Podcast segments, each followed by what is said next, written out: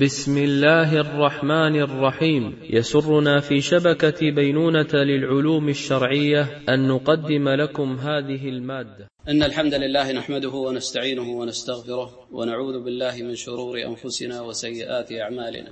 من يهده الله فلا مضل له ومن يضلل فلا هادي له وأشهد أن لا إله إلا الله وحده لا شريك له وأشهد أن نبينا محمدا عبده ورسوله صلى الله عليه وعلى آله وصحبه وسلم تسليما كثيرا. ثم أما بعد. فبداية أرحب بكم وأسأل الله سبحانه وتعالى لي ولكم العلم النافع والعمل الصالح. نسأله سبحانه وتعالى أن يفقهنا في هذا الدين وأن يعلمنا ما لم نكن نعلم وأن وأن يلطف بنا وبحالنا ويوفقنا للمزيد. بداية معاشر الفضلاء لا شك ولا ريب أن هذا العلم هو من أجل ما يحسن بالمرء أن يطلبه ويحرص عليه وينتبه للحظات عمره وحياته حتى لا تذهب عليه السدى.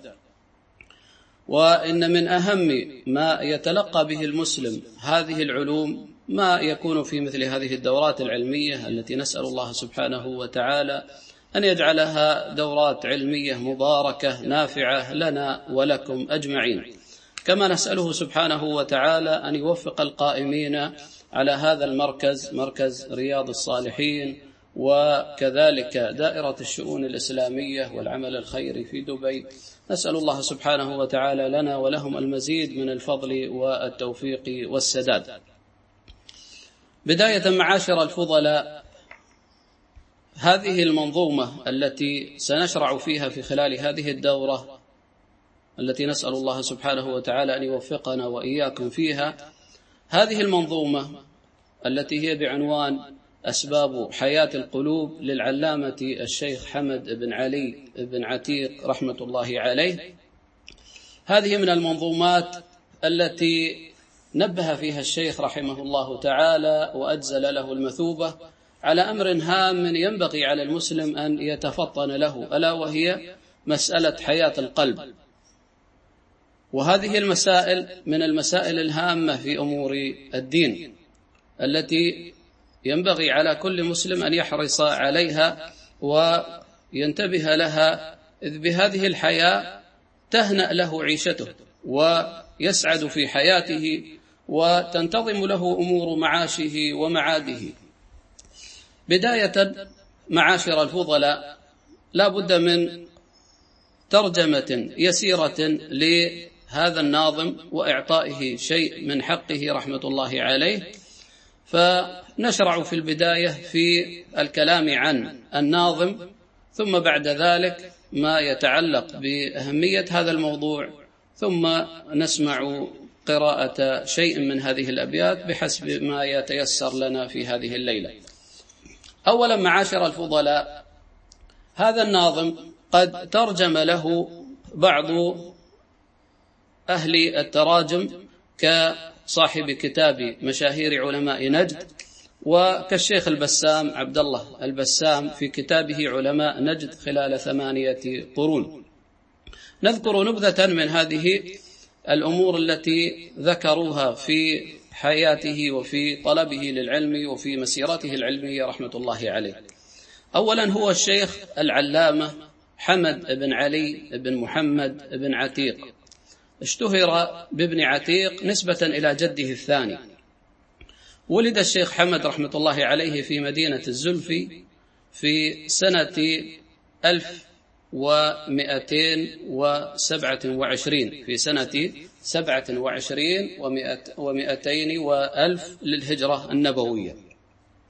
حفظ رحمه الله تعالى القرآن الكريم في صغره ثم سافر إلى الرياض وكانت في ذلك الوقت عامرة بالعلماء لا سيما وقد يعني زخرت أجلة من أهل العلم وعلى رأسهم كان الشيخ عبد الرحمن بن حسن صاحب كتاب فتح المجيد رحمة الله عليهم أجمعين.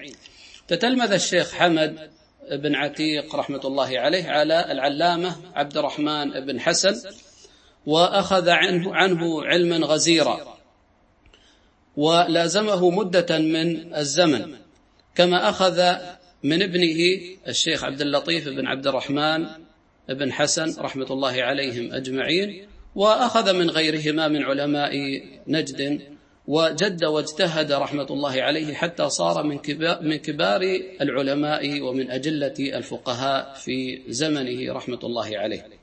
وفي هذا يقول الشاعر الكبير محمد بن عثيمين يرثي شيخه العلامة الشيخ سعد بن حمد بن عتيق رحمة الله عليهم أجمعين يقول هذا الشاعر يقول بنى لكم حمد بنى لكم حمد يا للعتيق علا لم يبنها لكم مال ولا خطر لكنه العلم يسمو من يسود به على الجهول ولو من جده مضر.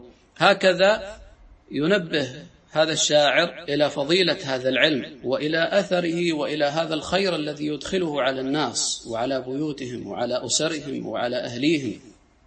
وهذا الذي ينبغي على كل مسلم أن يحرص عليه. فعلى المسلم أن يحرص على إدخال هذا الخير إلى بيته إلى أطفاله إلى أسرته إلى أهله أجمعين. يكون لهذا العلم أثر على حياته يكون لهذا العلم أثر على أسرته على أهله على قبيلته على الناس من حوله. لا بد وأن يهتم طالب العلم طالب العلم بمثل هذه الأمور. أن يكون حريصا على هذا الخير يتعلمه ويزداد منه ثم بعد ذلك يوصله إلى أقرب الناس إليه ثم من يليهم ثم من يليهم. يقول ابن المبارك رحمه الله تعالى لا أعلم بعد النبوة درجة أفضل من بث العلم. لا أعلم بعد النبوة درجة أفضل من بث العلم. وهذا فيه دلالة واضحة على أهمية العلم الذي ينبغي على كل مسلم أن يحرص عليه كما قلنا وأن يكون هو الذي يكون شغله الشاغل في إدخاله إلى بيته وفي إدخاله إلى أسرته وتعليمه لهم لهذا الخير.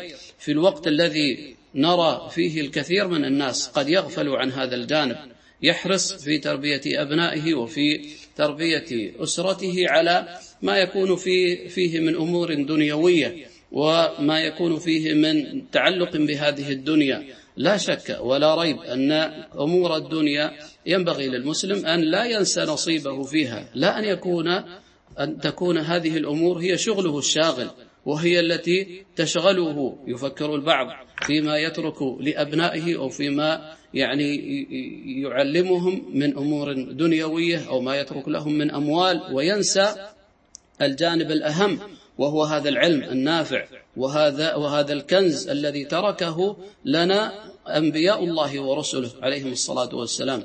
إن الأنبياء لم يورثوا دينارا ولا درهما ولكن ورثوا العلم. فمن أخذه أخذ بحظ وافر. فعلينا معاشر الفضلاء أن نغتنم هذه الفرص وأن نقتنص هذه الفوائد وأن نستفيد من هذه العلوم التي يبثها أهل العلم. في كتبهم وفي منظوماتهم وفي أشعارهم وفي ما يكتبونه للناس من نصح ومن توجيه علينا أن نستثمر مثل هذه العلوم ونعلمها نتعلمها أولا ثم بعد ذلك نعلمها لأهلينا ثم لأسرنا ثم بعد ذلك لسائر الناس.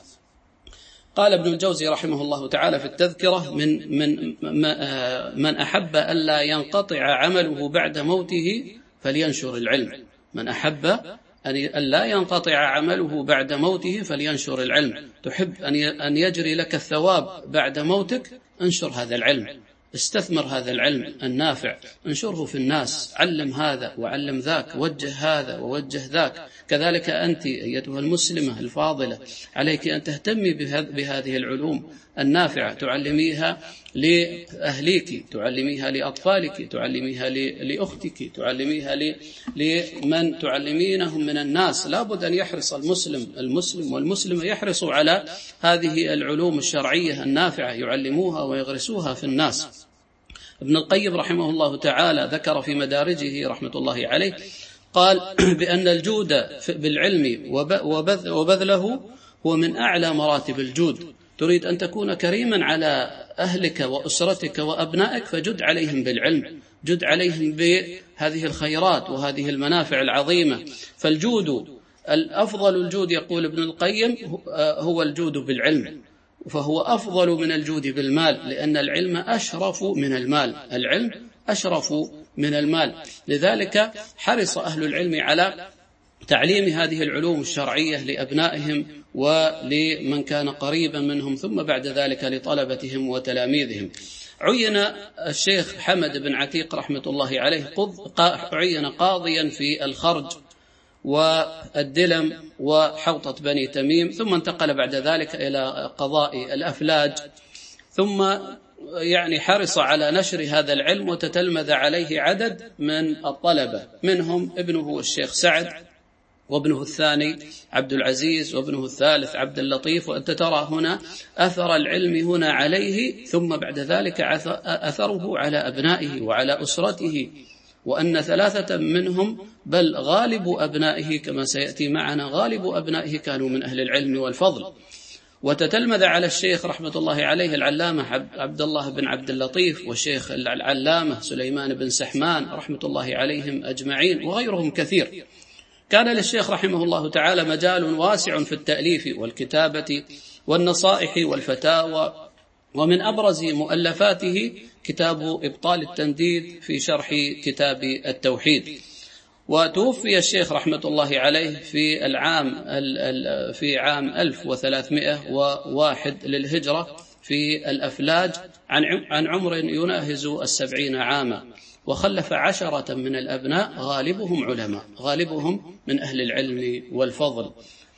رثاه الشيخ سليمان بن سحمان رحمة الله عليه بقصيدة طويلة جاء فيها يعز علينا أن نرى اليوم مثله لحل عويص المشكلات البوادر فلله من حبر تفرد بالعلا فحل على هام النجوم الزواهر لقد عاش في الدنيا على البر والتقى ونهى الورى عن موبقات المناكر فأضحى رهينا في المقابر ثاويا وصار إلى رب كريم وغافر. فرحمة الله عليه و وعفى عنا وعنه وأجزل له البثوبة وجزاه خير الجزاء عما ألف وعما كتب وصنف وعلم. رحمة الله عليهم أجمعين. فهذا إذا معاشر الفضلاء هذا شيء مما جاء في ترجمة الشيخ رحمة الله عليه وكما ذكرنا من أراد القراءة أكثر في هذه الترجمة الطيبة فليرجع إلى ما كتبه صاحب كتاب مشاهير علماء نجد أو كذلك ما كتبه الشيخ البسام في كتابه علماء نجد خلال ثمانية قرون. هذا ما يختص ب يعني صاحب المنظومة. ثم بعد ذلك ننتقل إلى هذه المنظومة وموضعها فقد نشرت هذه المنظومة في مجموعة المناهل العذاب فيما على العبد لرب الأرباب في الجزء الأول في صفحة 235 تقريبا. وهذه المنظومة لها مخطوطة مشهورة منشورة ولعلنا بإذن الله نستفيد من هذا المخطوط في يعني تصحيح شيء من الأبيات التي جاءت في المناهل. العذاب نسأل الله سبحانه وتعالى أن يوفقنا وإياكم للمزيد من الفضائل والخيرات. عنوان هذه المنظومة هو أسباب حياة القلوب. أهمية هذا الموضوع معاشر الفضلاء كما هو لا يخفى على طالب علم أن القلب هو أصل الإيمان ومستقره وهو محل معرفة الرب عز وجل. والعلم به ومحبته والإنابة إليه والإخلاص له والتوكل عليه والحب فيه والبغض فيه كما يقول ابن القيم رحمه الله تعالى فالقلب بيت الرب جل جلاله حبا وإخلاصا مع الإحسان فالقلب هو محل نظر الرب سبحانه وتعالى إن الله لا ينظر إلى صوركم ولا إلى أجسامكم ولكن ينظر إلى قلوبكم وأعمالكم فهو محل نظر الرب عز وجل. وكيف لا يكون كذلك؟ وهو ملك البدن. وسيده وسائر الأعضاء خدم له وعبيد لهيمنته وسطوته فبصلاحه تصلح الأعضاء وبفساده تفسد. ولهذا قال النبي صلى الله عليه وسلم كما هو في الحديث الصحيح ألا وإن في الجسد في الجسد مضغة إذا صلحت صلح الجسد كله وإذا فسدت فسد الجسد كله ألا وهي القلب.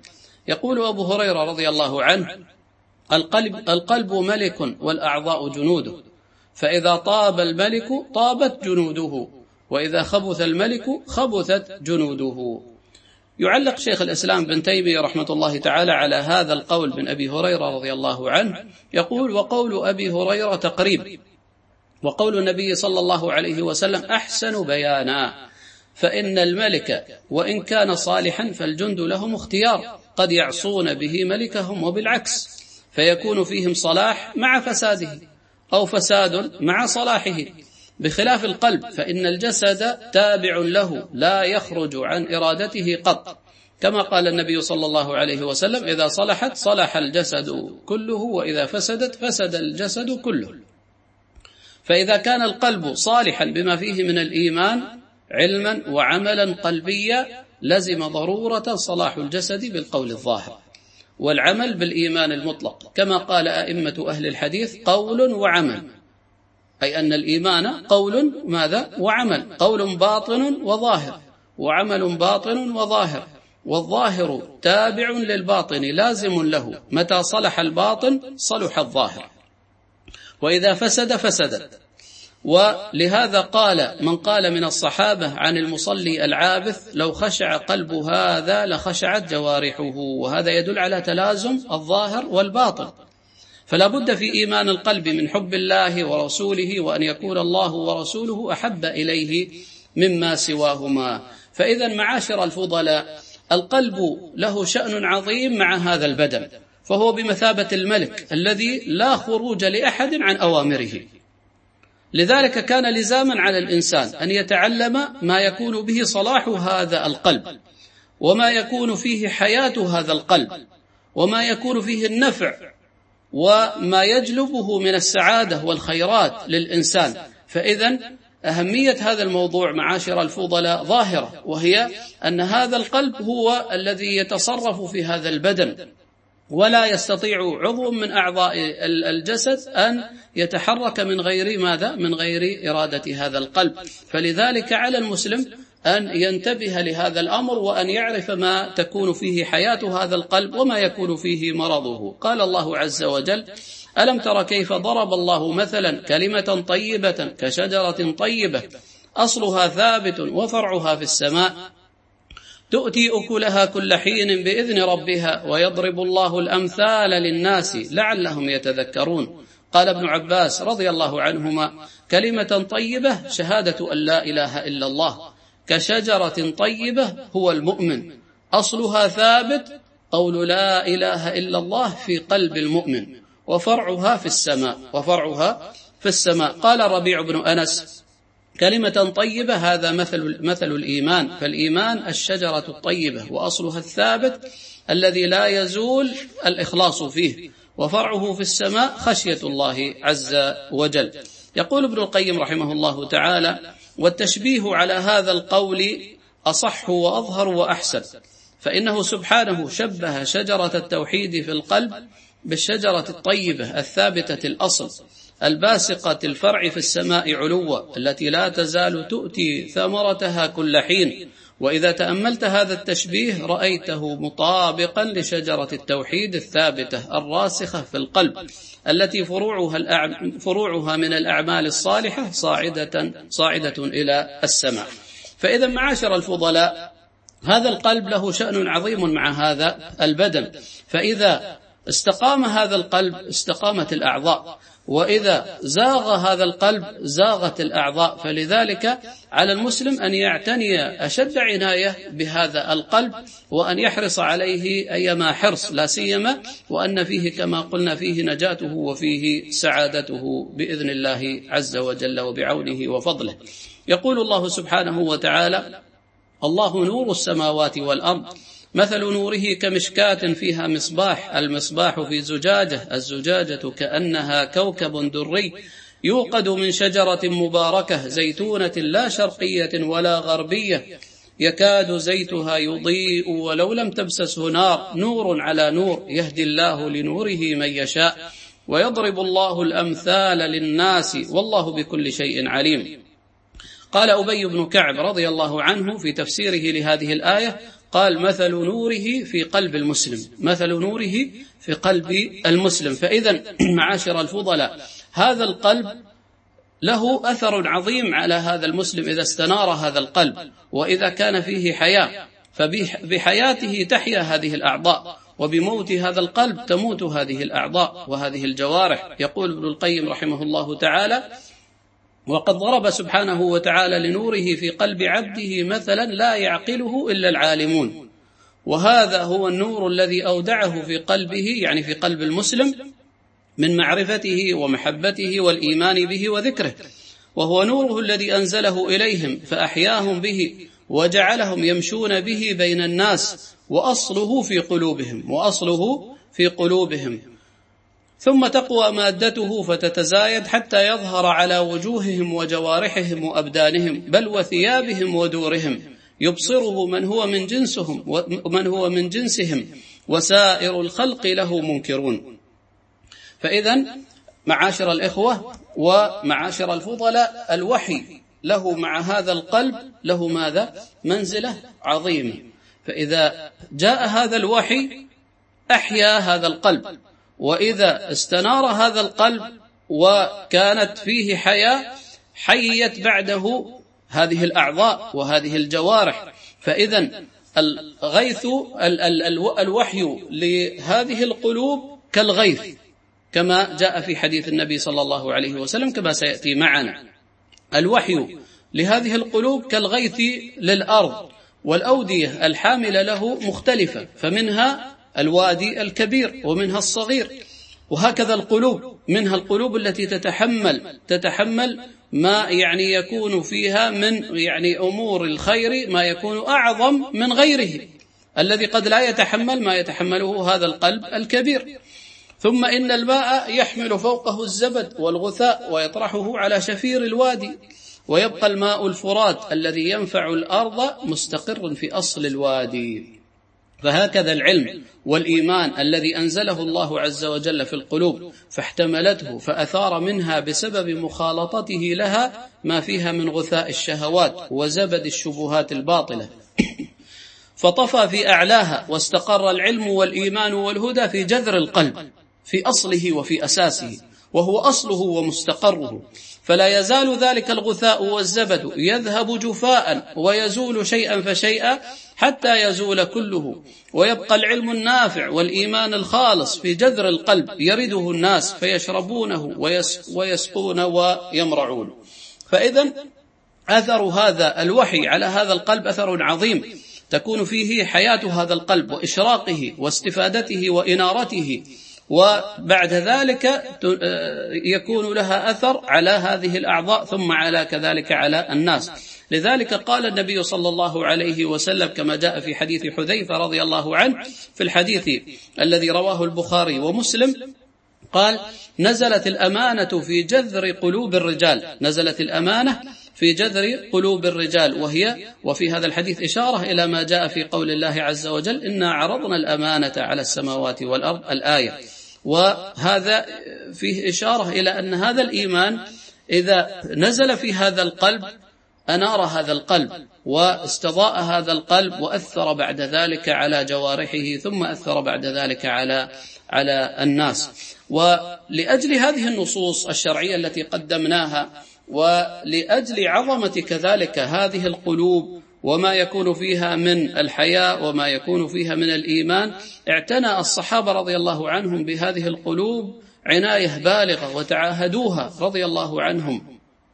يقول أبو الدرداء رضي الله عنه من فقه العبد أن يتعاهد إيمانه وما نقص منه ومن فقه العبد أن يعلم أيزداد هو أم ينقص لا بد أن ينظر المسلم في في قلبه ويتأمل في حياته ويتأمل في إقباله على الله سبحانه وتعالى وأم هو معرض عن الله عز وجل. هل هو مقبل على هذه الطاعات؟ هل هو مقبل على هذه الخيرات؟ أم هو بعيد عن هذه الخيرات وهذه الثمرات. هكذا كان الصحابة رضي الله عنهم يتأملون وينظرون ويتفكرون في مثل هذه المسائل. كان عمر رضي الله عنه يقول لأصحابه هلموا نزدد إيمانا؟ يجلسون يذكرون الله سبحانه وتعالى على ما يوافق شرع الله عز وجل وما يكون فيه اتباع السنة النبوية التي تعلموها من سنة من النبي صلى الله عليه وسلم. وكان ابن مسعود رضي الله عنه يقول في دعائه اللهم زدنا إيمانا ويقينا وفقها. فإذا معاشر الفضلاء هذه مقدمة يسيرة عما نريد الدخول والكلام فيه من هذه الأبيات النافعة التي نظمها الشيخ رحمه الله تعالى. نستمع إلى قارئنا فليتفضل. جزاه الله خيرا. نستمع بإذن الله إلى شيء من هذه الأبيات بحسب ما يتيسر لنا في هذه الليلة. بعون الله وتوفيقه. تفضل الشيخ. الحمد لله والصلاة والسلام على رسول الله نبينا محمد وعلى آله وصحبه ومن والاه. أما بعد فاللهم اغفر لنا ولشيخنا ولوالدينا وللسامعين ولجميع المسلمين. قال الناظم رحمه الله حمدت الذي أغنى وأقنى وعلم وصير شكر العبد للخير سلما. نعم. طيب ما في إشكال. تفضل اقرأها ثم نرجع مرة أخرى. تفضل وأهدي صلاة تستمر على الرضا وأصحابه والآل جمعا مسلما كما دلنا في الوحي والسنن التي أتان بها نحو الرشاد وعلما أزال بها الأغلاف عن قلب حائر وفتح آذانا أصمت وأحكما. أحسنت. بارك الله فيك. جزاك الله خير. قال الناظم رحمه الله تعالى حمدت الذي أغنى وأقنى وعلم وصير شكر العبد للخير للخير سلما بدأ الشيخ رحمه الله تعالى هذه الأبيات بحمد الله عز وجل. اقتداء بما جاء في قول النبي صلى الله عليه وسلم كل أمر ذي بال لا يبتدأ فيه بالحمد لله فهو أقطع. أي ناقص قليل البركة. وهذا الحديث ضعفه عدد من أهل العلم. لكن كما قال الشيخ ابن باز رحمة الله عليه الأقرب أنه حسن لغيره. والنبي صلى الله عليه وسلم كان يفتتح خطبه بالحمد لله والثناء عليه عز وجل. لذلك ذهب العلماء إلى استحباب البدء بالحمد لله لكل مصنف ولكل دارس ومدرس وخطيب وخاطب وبين يدي سائر الأمور المهمة كما يقول أهل العلم.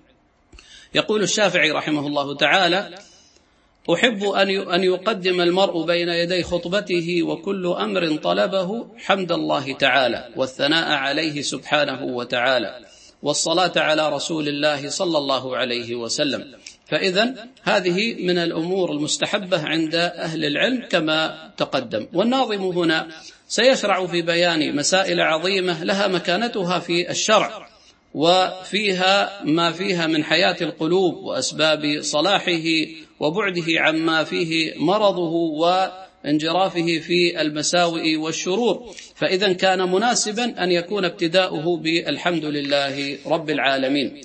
ثم بعد ذلك نأتي إلى معنى الحمد. فالحمد معاشر الفضلاء الحمد يتضمن المدح والثناء على المحمود بذكر محاسنه. الثناء على المحمود بذكر محاسنه. يقول أهل العلم هو الثناء على المحمود بصفاته اللازمة والمتعدية. الحمد هو الثناء على المحمود بصفاته اللازمة وصفاته المتعدية. ما معنى هذا الكلام؟ يعني أن يكون الحمد يكون بالصفات اللازمة وبالصفات المتعدية لربنا سبحانه وتعالى.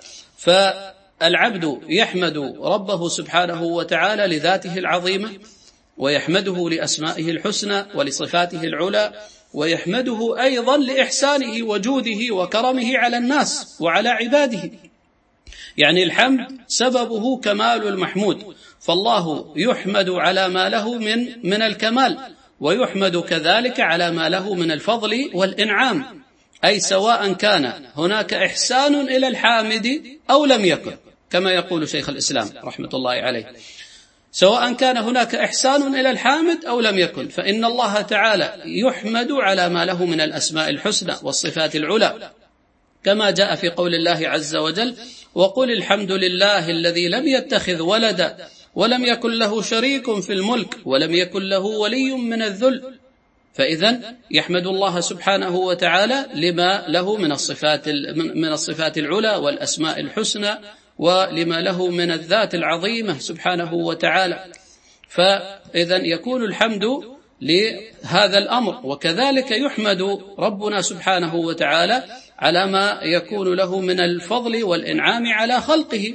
كما جاء في قول الله عز وجل الحمد لله الذي خلق السماوات والأرض وجعل الظلمات والنور. وجاء في الحديث الصحيح عن النبي صلى الله عليه وسلم أنه قال إن الله ليرضى عن العبد يأكل الأكلة فيحمده عليها ويشرب الشربة فيحمده عليها. فإذا هذا من أنواع الحمد يحمد ربه لأجل إنعامه وفضله عليه. وجاء في حديث أنس أن النبي صلى الله عليه وسلم قال ما أنعم الله على عبد نعمة؟ فقال الحمد لله إلا كان الذي أعطاه أفضل مما أخذ إلا كان الذي أعطاه أفضل مما أخذ. أي أجر حمده لربه على هذه النعمة أفضل من النعمة التي حمده عليها. أفضل من ماذا؟ من النعمة التي حمده عليها. وهذا فضل الله عز وجل يؤتيه من يشاء. والحديث حسنه الشيخ الألباني رحمة الله عليه في صحيح ابن ماجه. ثم ننتقل إلى مسألة أخرى وهي ما الفرق بين الحمد والشكر؟ ما الفرق بين الحمد والشكر؟ نقول بين الحمد والشكر عموم وخصوص. بين الحمد والشكر عموم وخصوص. فالحمد أعم من حيث السبب والشكر أعم من حيث المتعلق. ما معنى هذا الكلام؟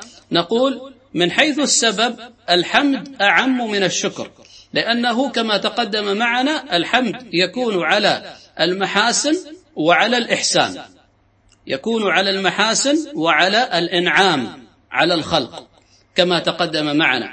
أما الشكر فإنه لا يكون إلا على إحسان المشكور إلى الشاكر وإنعامه عليه. فهو أخص إذن الشكر أخص من الحمد من هذا الوجه.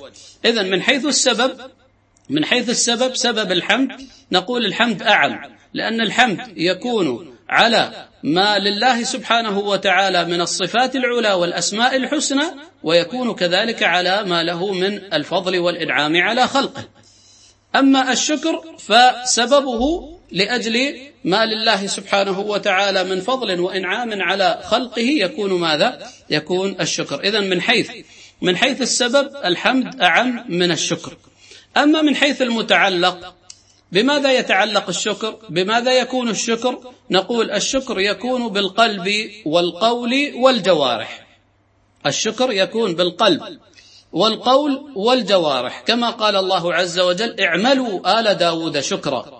وقال سبحانه وتعالى أن اشكر لي ولوالديك. يعني بالعمل وبجوارحك وبأعضائك. وكما قيل أفادتكم النعماء مني ثلاثة يدي ولساني والضمير المحجبة. فإذا الشكر من حيث المتعلق الشكر يكون بالقلب والقول والجوارح. أما الحمد الحمد فيكون ماذا؟ فيكون بالقلب واللسان. الحمد يكون بالقلب واللسان. فمن هذا الوجه من حيث المتعلق يكون الشكر أعم من الحمد. والحمد أخص من حيث المتعلق من ماذا؟ من الشكر. فإذا بين الحمد والشكر عموم وخصوص. الحمد أعم من حيث السبب والشكر أعم من حيث المتعلق. الحمد أخص من حيث المتعلق والشكر أخص من حيث السبب. أتمنى إن شاء الله أن يكون تكون هذه المسألة واضحة. الشكر قالوا من حيث المتعلق يكون بالقلب بالخضوع والاستكانة لله سبحانه وتعالى. يكون كذلك الشكر باللسان ثناء واعترافا لله سبحانه وتعالى.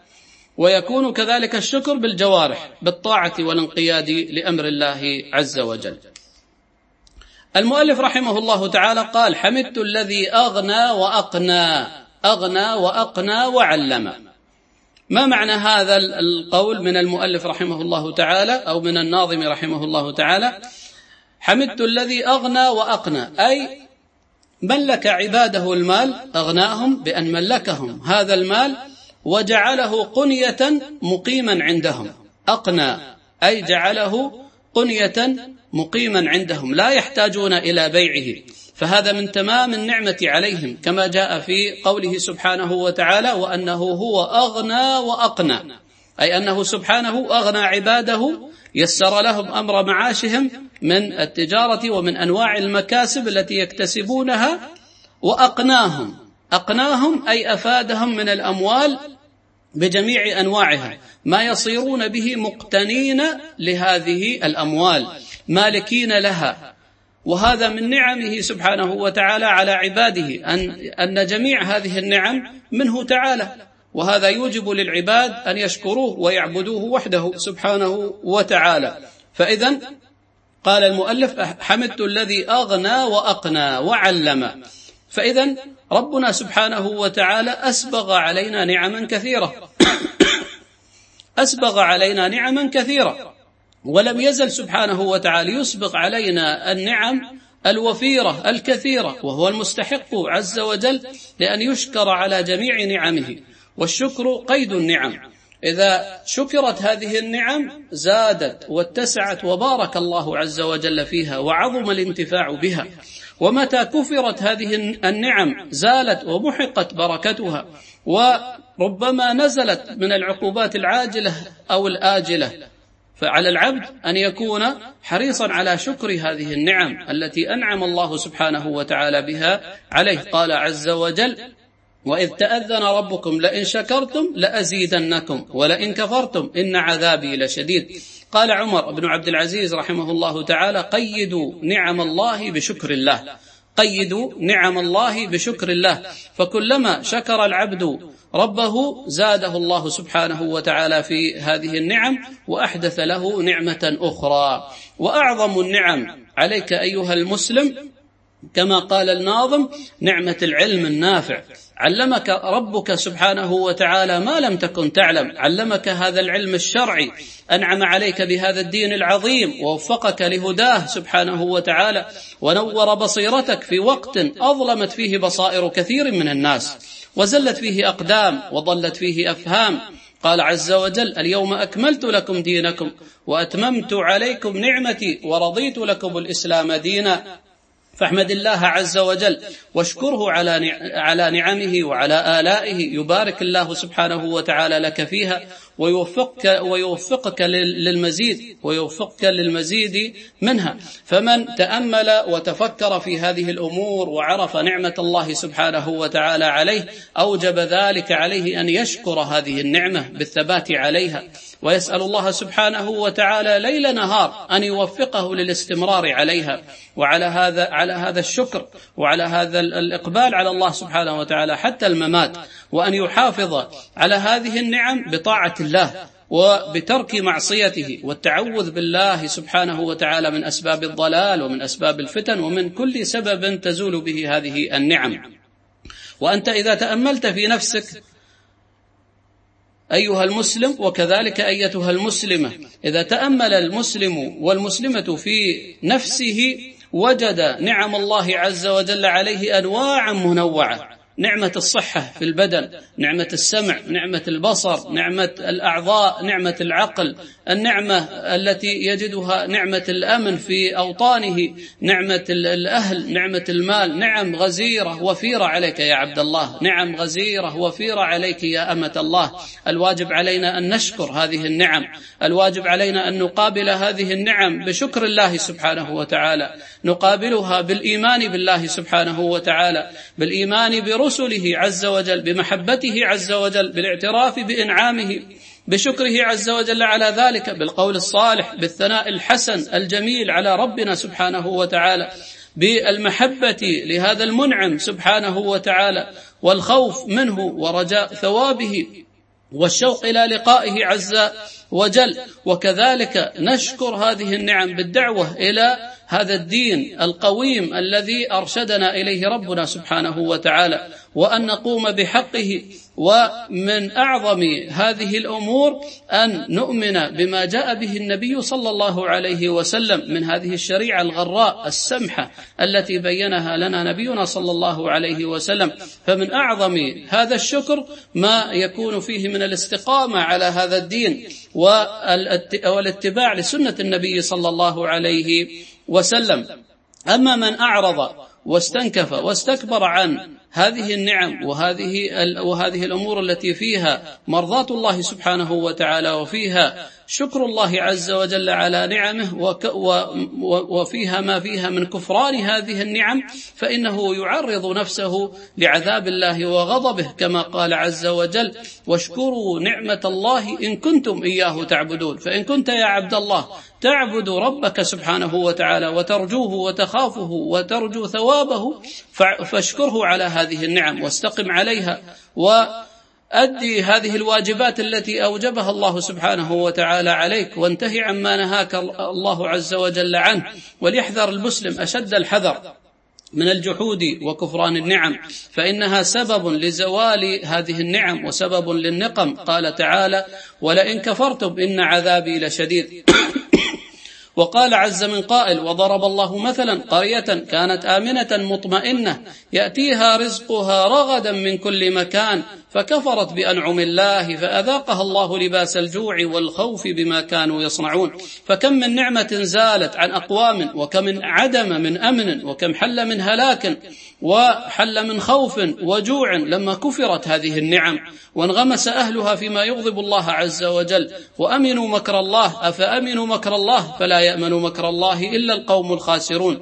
فعلينا معاشر الأحبة ومعاشر الأفاضل ان نذكر أنفسنا بين الفينة والأخرى. الأخرى بشكر هذه النعم والبعد عن كفرانها والبعد عما يغضب رب, رب والبعد عما يغضب الله سبحانه وتعالى ويجلب هذه النقم. ذكر الحافظ ابن القيم رحمه الله تعالى في مدارجه حقيقة الشكر. قال هي ظهور أثر نعمة هي ظهور أثر نعمة الله على لسان عبده. ثناء واعترافا وعلى قلبه شهودا ومحبة وعلى جوارحه انقيادا وطاعة. فاذا شكر هذه النعم يكون بهذه الأمور الثلاثة. يكون بالاعتراف بها يعني بلسانه وبمحبتها بقلبه محبة ربك سبحانه وتعالى محبة الله سبحانه وتعالى محبة هذا الدين العظيم محبة سنة النبي صلى الله عليه وسلم. هكذا يكون شكر هذه النعم. وكذلك بجوارحه يكون بالانقياد والطاعة لأمر الله عز وجل وأمر رسوله صلى الله عليه وسلم. والشكر معاشر الفضلاء مبني على خمس قواعد. مبني على خمس قواعد. متى عدم منها واحدا اختل من قواعد الشكر قاعدة. ما هي هذه الأمور الخمسة التي بني عليها الشكر؟ اولا خضوع الشاكر للمشكور. خضوع الشاكر للمشكور. الثاني حبه له. الثالث اعترافه بنعمه.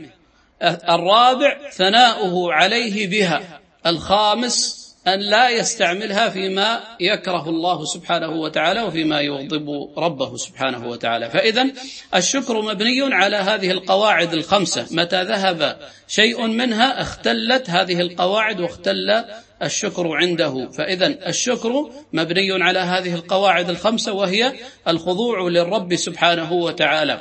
والمحبة له والاعتراف بنعمه والثناء عليه وأن لا تستعمل هذه النعم فيما فيه معصية الله عز وجل وفيما فيه غضب الرب سبحانه وتعالى.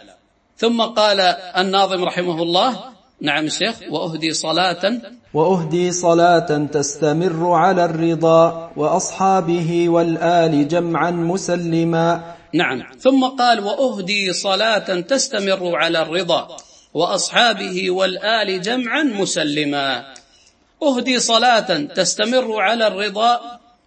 هذا الوصف يقصد به النبي صلى الله عليه وسلم. المرضي صلى الله عليه وسلم الرضا. فيقول أهدي صلاة تستمر على النبي صلى الله عليه وسلم وعلى أصحابه وعلى آله جميعا. فمعنى الصلاة معنى الصلاة على النبي صلى الله عليه وسلم. قيل في معنى الصلاة إنها من الله الرحمة ومن الملائكة الاستغفار ومن ومن الآدميين الدعاء. وهذا هو المشهور بين أهل العلم. لكن الصحيح خلاف ذلك كما ذكر الشيخ ابن عثيمين رحمة الله عليه. قال الصلاة أخص من الرحمة. الصلاة أخص من الرحمة. ولذلك قال أجمع المسلمون على جواز الدعاء بالرحمة لكل مؤمن واختلفوا هل يصلى على غير الأنبياء. فإذا هذا أول أمر يبين لنا اختلاف الصلاة معنى الصلاة عن معنى الرحمة.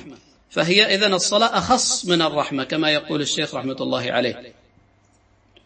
أول أمر قال لأن أهل العلم أجمعوا على جواز الدعاء بالرحمة لكل مؤمن. واختلفوا هل يصلى على غير الأنبياء أم لا. ولو كانت الصلاة بمعنى الرحمة لم يكن هناك فرق بينهما. فكما ندعو لفلان بالرحمة نصلي عليه. هذا أول أمر. الأمر الثاني قال قال الله عز وجل أولئك عليهم صلوات من ربهم ورحمة وأولئك هم المهتدون. فعطف الرحمة على الصلوات العطف يقتضي المغايرة. فبدلالة هذه الآية وبما سبق من كلام أهل العلم من التفريق في مسألة جواز الدعاء بالرحمة عن مسألة الصلاة على غير الأنبياء بهذا وذاك يظهر لنا أن الصلاة ليست هي الرحمة بل هي معنى أخص من الرحمة. وأحسن ما قيل في معنى الصلاة أحسن ما قيل فيها ما ذكره أبو العالية وذهب إليه العلامة والإمام ابن القيم رحمه الله تعالى ومن من المعاصرين الشيخ ابن عثيمين رحمة الله عليهم أجمعين أن صلاة الله على نبيه ثناؤه عليه في الملأ الأعلى ثناؤه عليه في الملأ الأعلى. فمعنى اللهم صل عليه أي أثني عليه في الملأ الأعلى. أثني عليه في الملأ الأعلى أي عند الملائكة المقربين. وعلى هذا إذن القول الراجح في معنى الصلاة أن الصلاة على النبي صلى الله عليه وسلم يعني الثناء عليه في الملأ الأعلى. هذا بالنسبة للصلاة. أما السلام والتسليم كما قال تعالى يا أيها الذين آمنوا صلوا عليه وسلموا تسليما. معنى التسليم على الرسول صلى الله عليه وسلم أننا ندعو له بالسلامة من كل آفة والحفظ والكلاءة والعناية من الله سبحانه وتعالى ونحو ذلك من المعاني. فاذا كما قال المؤلف وأهدي صلاة تستمر على الرضا يعني هذه الصلاة أهديها للنبي صلى الله عليه وسلم بأن يثني الله عليه في الملأ الأعلى وعلى أصحابه وعلى آله جميعا. وأسلم عليهم جميعا.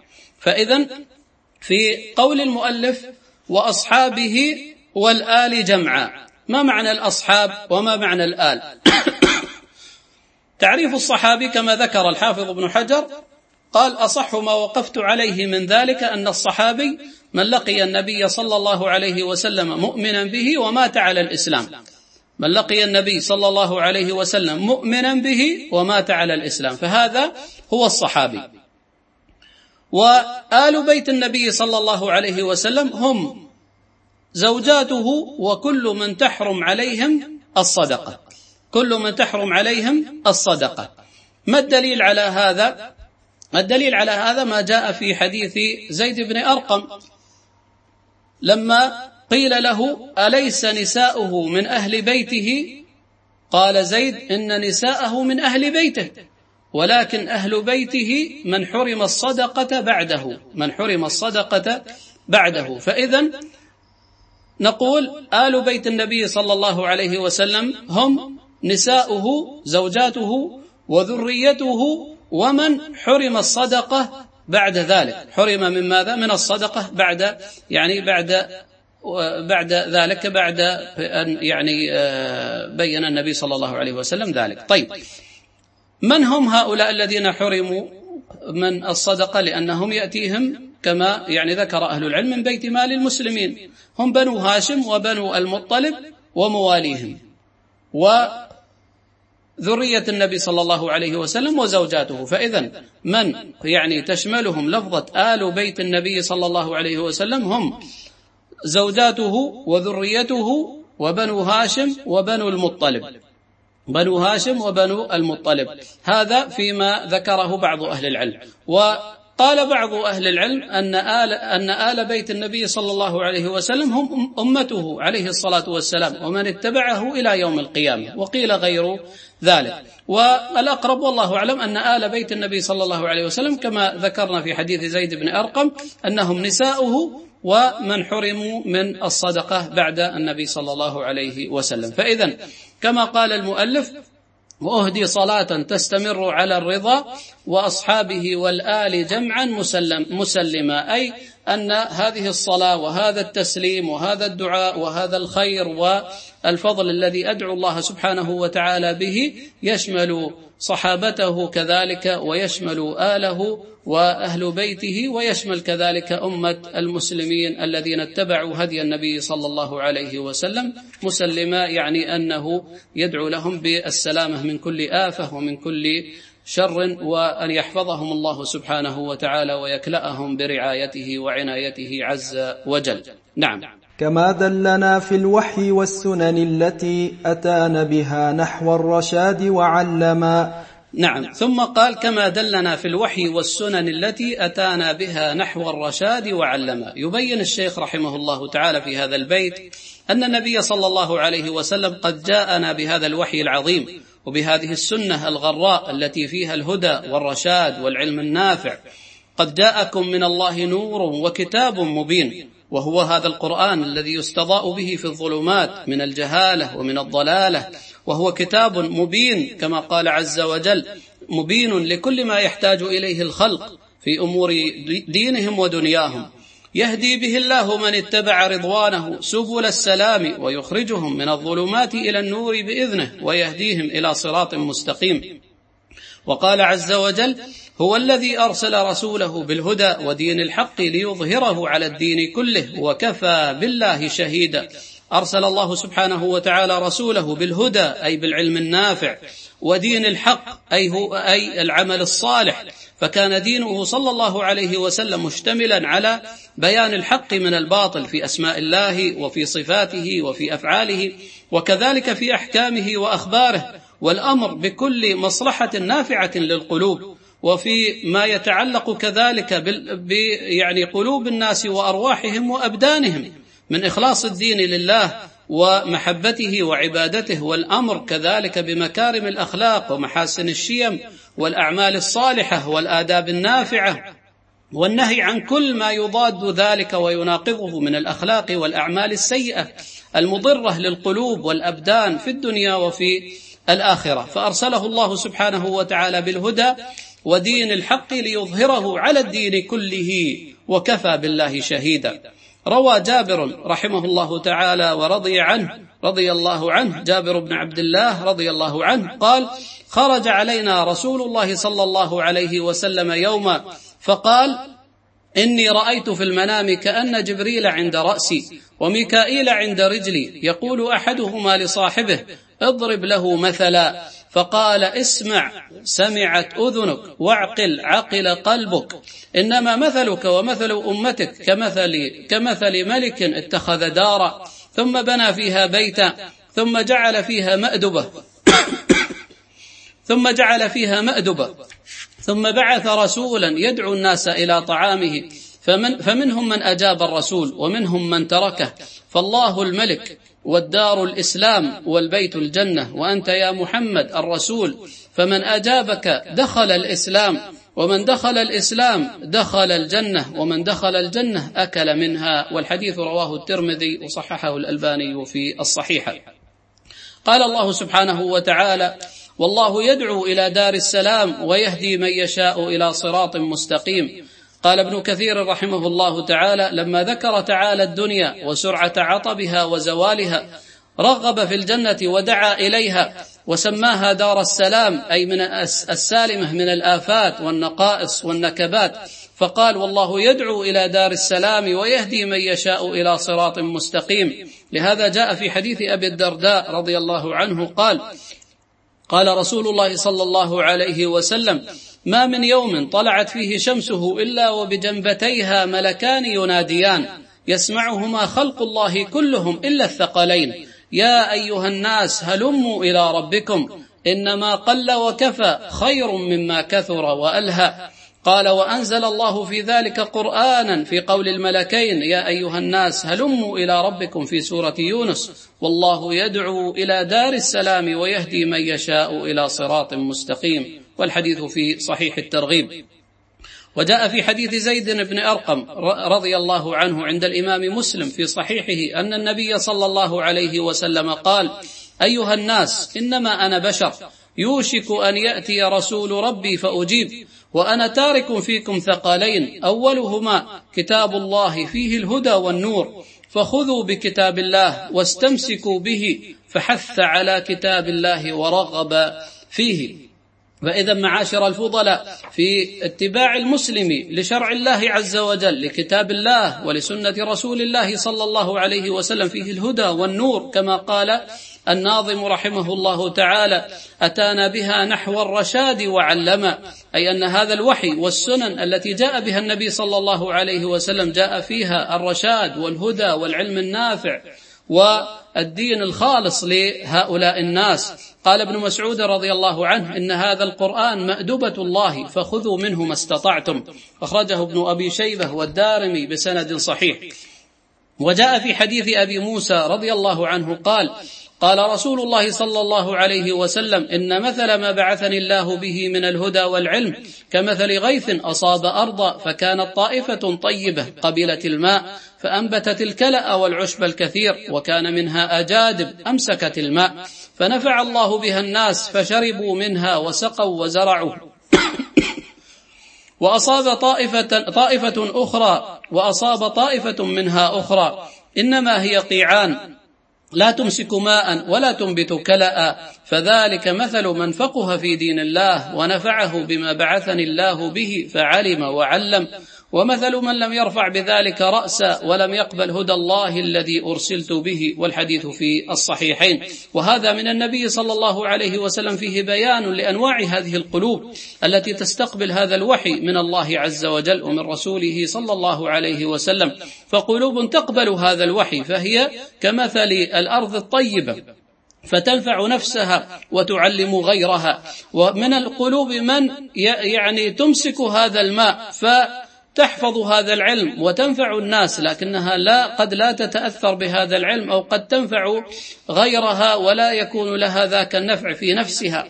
ومنها طائفة أخرى وهي حال كثير من الناس بل أكثر الناس أكثر الناس عن على هذا الصنف. وما أكثر الناس ولو حرصت بمؤمنين كما قال ربنا عز وجل. فكثير بل أكثر الناس إنما هي قلوب قيعان كما قال النبي صلى الله عليه وسلم. لا تمسك ماء ولا تنبت كلاء.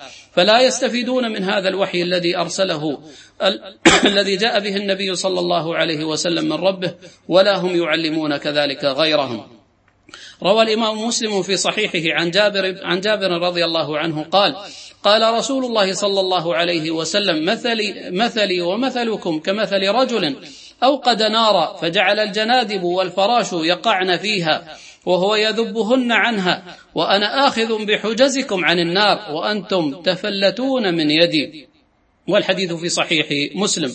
فالرسل يدعون الناس إلى الهدى ولكن أكثر الناس وأكثر الخلق يأبون إلا أن يقعوا في هذه النار. يدعونهم إلى إلى السلامة وإلى العافية من هذه النار وأكثر الخلق يأبى إلا أن يقحم نفسه في هذه النار. بمعاصيه وبسيئاته كالدواب الصغيرة هذه كالفراش. الذي ذكره مثل الذي ذكر وضرب عليه النبي صلى الله عليه وسلم به هذا المثل فيقحمون أنفسهم في هذه النار وهكذا أغلب الخلق. يجر نفسه إلى هذه المهاوي وإلى هذه النيران وإلى هذه المساوئ يقودها إلى النار بأعمالها بأعماله السيئة. والرسول صلى الله عليه وسلم يدعوه إلى ترك ذلك والحذر من ذلك والنجاة بهذه النفس. فينبغي لكل مسلم أن ينتبه. أن ينتبه لنفسه ولا يأخذ بأي عمل ولا بقول يكون فيه انقياده وسيره إلى غير طريق الجنة بل عليه أن ينتبه لأقواله وأعماله ومن يأخذ منه وأن يكون ذلك يعني مما يقوده إلى الجنة وإلى ما يكون فيه رضا الله سبحانه وتعالى وما فيه موافقة النبي صلى الله عليه وسلم ويحذر مشابهة هذه الدواب والجنادب التي أخبر عنها النبي صلى الله عليه وسلم التي تلقي بأنفسها في النار. نسأل الله سبحانه وتعالى العافية والسلامة. نقرأ آخر بيت الشيخ ونقف عنده. تفضل. أزال بها الأغلاف عن قلب حائر وفتح آذانا أصمت وأحكما. نعم. قال أزال بها الأغلاف عن قلب حائر وفتح آذانا أصمت وأحكما معنى الأغلاف جمع غلاف وهي الأغطية. وهي ماذا؟ الأغطية. أشار بالقلب آه، بهذا القلب الأغلف إلى القلب المعرض عن دين الله سبحانه وتعالى. أي كأنه داخل في غلافه وفي غشائه. فلا يصل إليه هذا النور نور العلم والإيمان. كما قال تعالى حاكيا عن بعض أهل الكتاب وقالوا قلوبنا غلف وهو جمع أغلف. جمع ماذا؟ أغلف. وقالوا قلوبنا غلف أي هو الداخل في غلافه. وهذه هي الغشاوة والأكنة التي ضربها الله عز وجل على قلوبهم عقوبة لهم على رد الحق وعلى التكبر عن يعني قبول هذا الحق.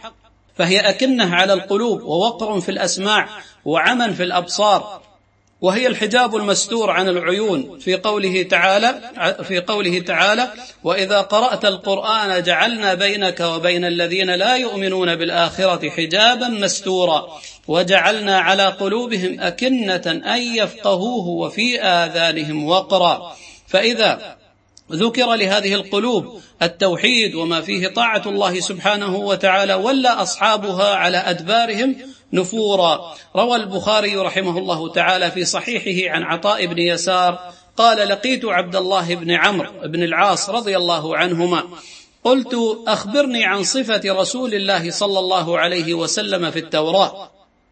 قال أجل. والله إنه لموصوف في التوراة ببعض صفته في القرآن. يا أيها النبي إنا أرسلناك شاهدا ومبشرا ونذيرا وحرزا للأميين أنت عبدي ورسولي سميتك المتوكل ليس بفظ ولا غليظ ولا سخاب في الأسواق ولا يدفع بالسيئة السيئة ولكن يعفو ويغفر. ولن يقبضه الله حتى يقيم به الملة العوجاء بأن يقولوا لا إله إلا الله ويفتح بها أعينا عميا وآذانا صما وقلوبا غلفا أخرجه البخاري رحمه الله تعالى. فإذا هذه هي صفة النبي صلى الله عليه وسلم. أزال هذه الأغلاف وهذه الأغطية وهذه الأكنة عن قلوب من أقبل عليه وقلوب من تقبل هذا الوحي وهذا الدين وأخرجهم من الظلمات إلى النور. أخرج الدارمي بسند صحيح عن كعب الأحبار قال عليكم بالقرآن فإنه فهم العقل ونور الحكمة وينابيع العلم وأحدث الكتب بالرحمن عهدا وأحدث الكتب بالرحمن عهدا. وقال في التوراة يا محمد إني منزل عليك توراة حديثة تفتح, تفتح فيها أعينا عميا وآذانا صما وقلوبا غلفا. أي أن هذه هذا الوحي الذي أنزل على النبي على النبي صلى الله عليه وسلم وهو القرآن فيه ماذا؟ فيه فتح لهذه الأعين العمياء. وفيه فتح لهذه الآذان التي صمت عن قبول الحق وفيه كذلك فتح لهذه القلوب وإنارة وإشراق لهذه القلوب التي غطتها ظلمات الجهل وظلمات الشرك والبدع والخرافات. فبإقبال المسلم على الله سبحانه وتعالى وعلى هذا النور وعلى هذا الخير يكون قلبه حيا ويكون قلبه قلبا مشرقا مضيئا بنور الكتاب والسنة. قال الله تعالى فإما يأتينكم مني هدى فمن اتبع هداي فلا يضل ولا يشقى.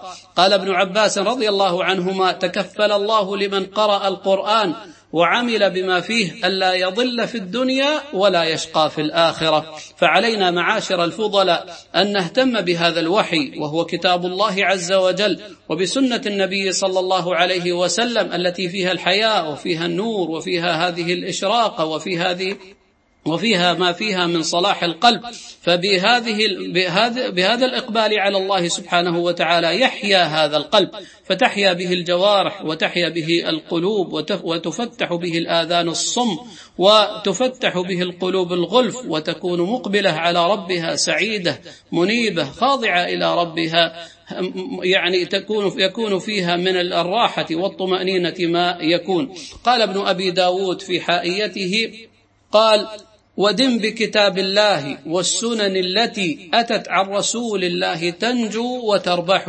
أي تريد النجاة تريد الربح فعليك بكتاب الله وعليك بسنة رسول الله صلى الله عليه وسلم. دن بهذه بهذه بهذا الوحي وبهذا الكتاب وبهذه السنة تكون من الناجين ومن الرابحين. نسأل الله سبحانه وتعالى في ختام هذا الدرس أن يوفقنا وإياكم لكل خير وأن ينجينا وإياكم من كل شر إنه ولي ذلك والقادر عليه. وآخر دعوانا أن الحمد لله رب العالمين.